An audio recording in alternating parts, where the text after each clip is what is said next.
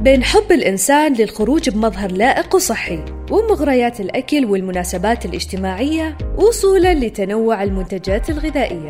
أصبح الإنسان غير قادر على اتخاذ القرار الصحيح اللي يناسب صحته وغذائه. في بودكاست دايت راح نوقف بالوسط ونقدم لك أفضل النصائح والحلول وأنت عليك تتخذ القرار اللي يناسبك. هذا بودكاست دايت من روتانا أف أم. معي أنا نور حمود. حياكم الله مستمعين بودكاست دايت في كل مكان. في البداية شكرا لكل اللي استمع لنا في حلقتنا الأولى وأبدأ رأيه عن الحلقة. ويسعدنا اشتراككم في البودكاست حتى توصلكم حلقتنا الجديدة. في حلقتنا الثانية راح نتكلم عن حمية ال carb cycle ونشوف مدى أهميتها للناس وكيف آلية عملها وإيش هو الغذاء المتبع فيها. وهل لها أي أضرار على جسم الإنسان؟ وهل تصلح لجميع الناس أم هناك أشخاص ممنوعين من اتباعها؟ كم ممكن نفقد وزن مع هذه الحمية شهريا؟ وما هي أفضل النصائح لتطبيق هذا الدايت؟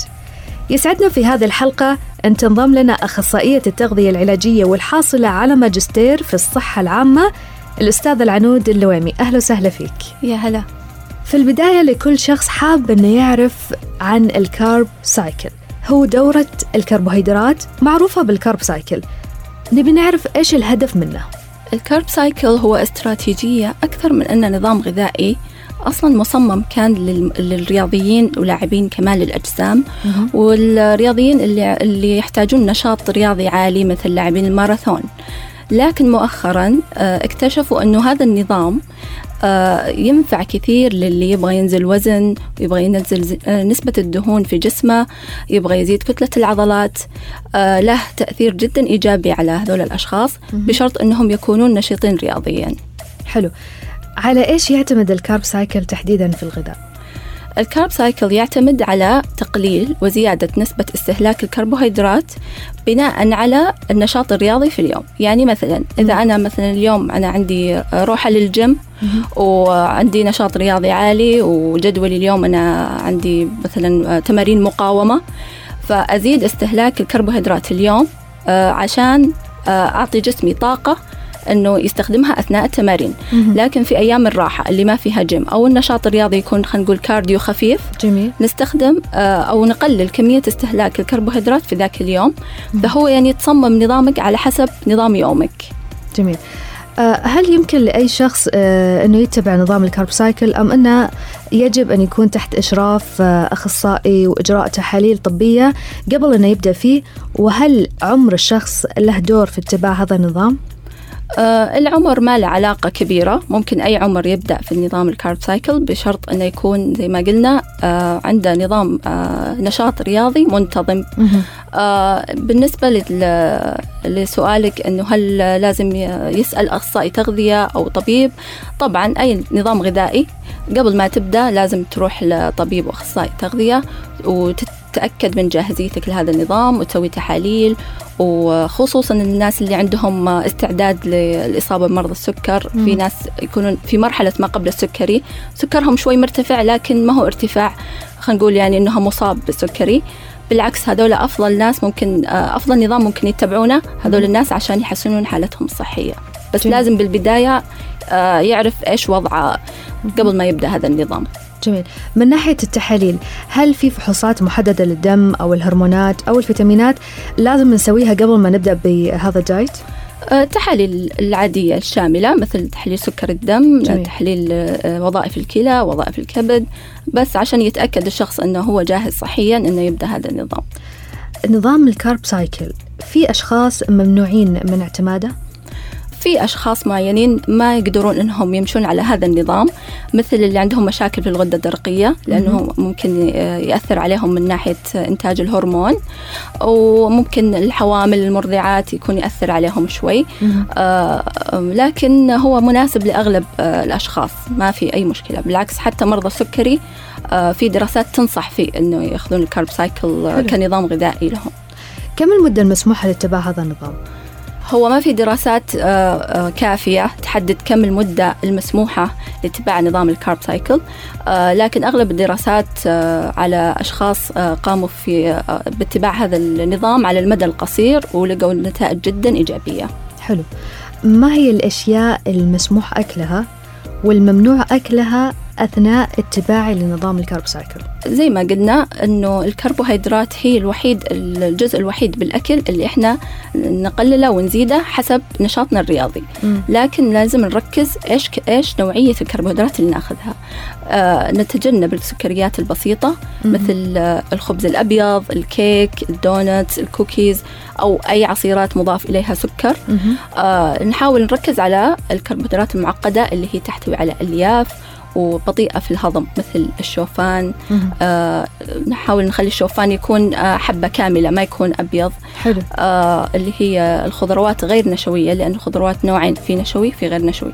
كل ما صار الخضار لونها أصفر آه على برتقالي تعتبر نشوية ما تعتبر خضار غير نشوية. فإحنا نركز على الخضار اللي لونها أخضر. مثل؟ مثل البروكلي آه الزهرة وطبعا البقوليات تعتبر برضو آه من الكربوهيدرات الجيدة مم. اللي نركز عليها في هذا النظام.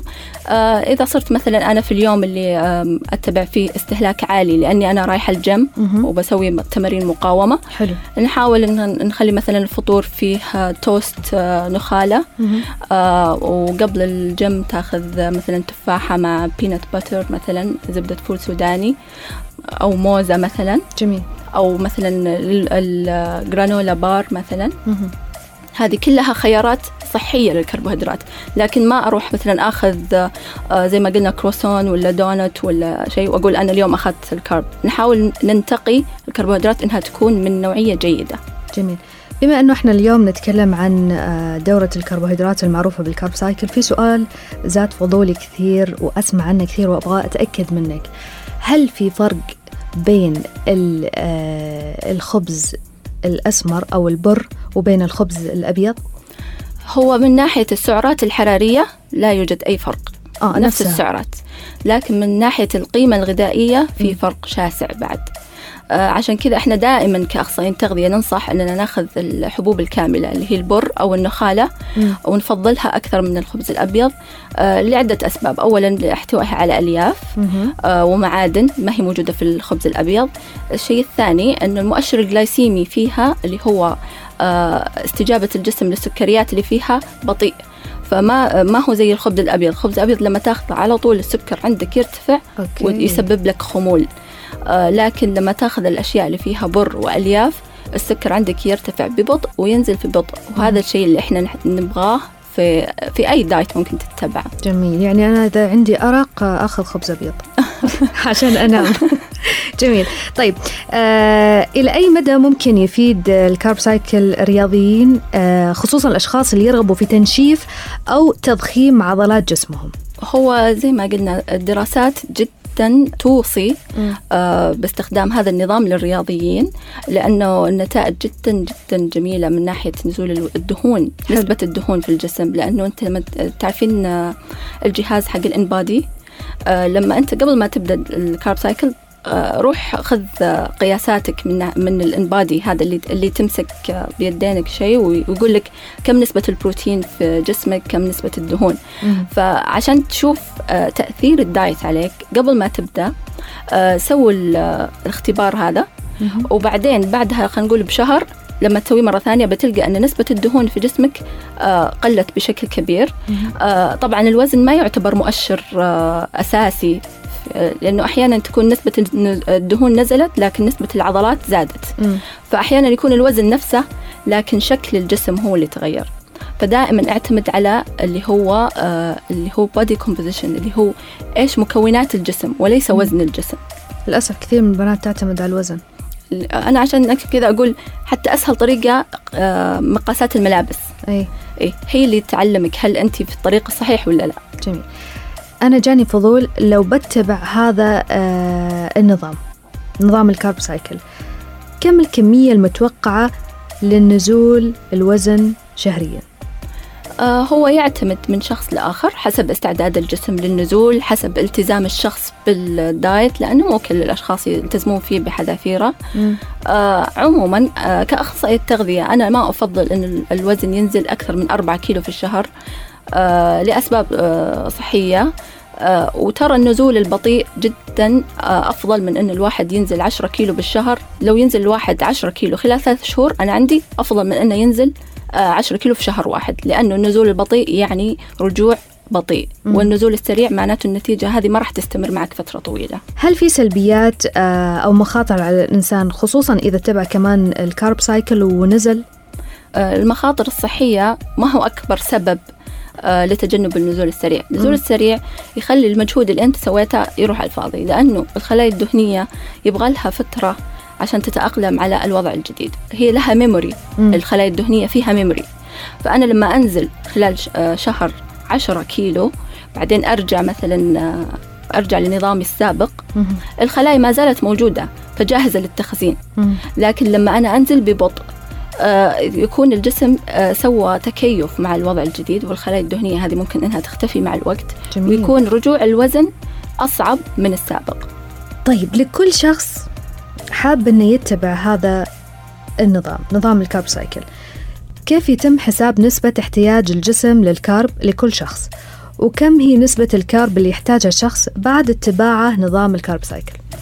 بشكل عام آه الكربوهيدرات آه نحسبها بطريقة اللي هو لما نحسب السعرات الحرارية احتياجاتنا اليومية من السعرات الحرارية ناخذ 60 إلى 50% منها كربوهيدرات. هذا بالنظام ال- آه، الطبيعي. لكن في ال carb cycle تنزل النسبة هذه إلى آه 25 وأقل. جميل آه عشان آه نوصل لمرحلة اللي الهدف من ال carb cycle اللي هو يعتمد على مصدر آخر من الطاقة لما يستهلك آه اللي هو الجلوكوز وال- والسكر المخزن في الكبد مهم. يلجأ إلى الدهون كمصدر طاقة وهذا الهدف من ال carb cycle فهذه طريقة لحسابها في في طرق أخرى ممكن لما الواحد يبحث يشوف إنه آه واحد جرام لكل واحد كيلو جرام آه في. لكن أنا شخصيا أشوف أدق طريقة إنك تحسب نسبة آه من احتياجاتك اليومية لأنه لازم آه كل شخص ياخذ احتياجاته اليومية من السعرات. لما تنزل نسبة الكربوهيدرات لازم يعوضها من البروتين والدهون. طب شلون الشخص يحسب نسبته آه، من ناحية مثلا الأكل؟ أول شيء تدخل على موقع وزارة الصحة. جميل. فيه اللي هو حساب السعرات الحرارية أنت تحط وزنك وطولك وعمرك وإذا أنت تسوي أي نشاط رياضي أو لا هو يحسب لك احتياجاتك اليومية جميل خلينا نقول أنه أنا سويتها وطلع آه، 2000 سعرة في اليوم. آه، آخذ من ال 2000 هذه أضربها ب آه، خلينا نقول أنا أتبع نظام ال carb cycle أبدأ ب آه، 25% حلو. اليوم حلو. فأضربها ب 25% يطلع لي كم سعرة من الكربوهيدرات اللي أنا المفروض أخذها من الكربوهيدرات. طبعا الحين في applications تطبيقات كثيرة ممكن تساعدك بحساب آه، كم آه، كربوهيدرات. أنت تحط في اليوم أنا أبغى آه، خلينا نقول 200 جرام آه، كربوهيدرات فقط. فلما تحط الأكل اللي أكلته هو يحسب لك كم باقي لك هل أنت وصلت للهدف ولا لا؟ جميل. طيب للشخص اللي بيتبع ال carb cycle هو له دورة للكربوهيدرات. يعني شلون أنا ببدأ بالنسبة اللي تعود عليها جسمي بعدين أبدأ بتقليل ال carb. يعني أنت مثلا ذكرتي قبل شوي آه أنه 25% من ال carb كربوهيدرات باخذها بيومي. شلون بقللها كيف بحسبها؟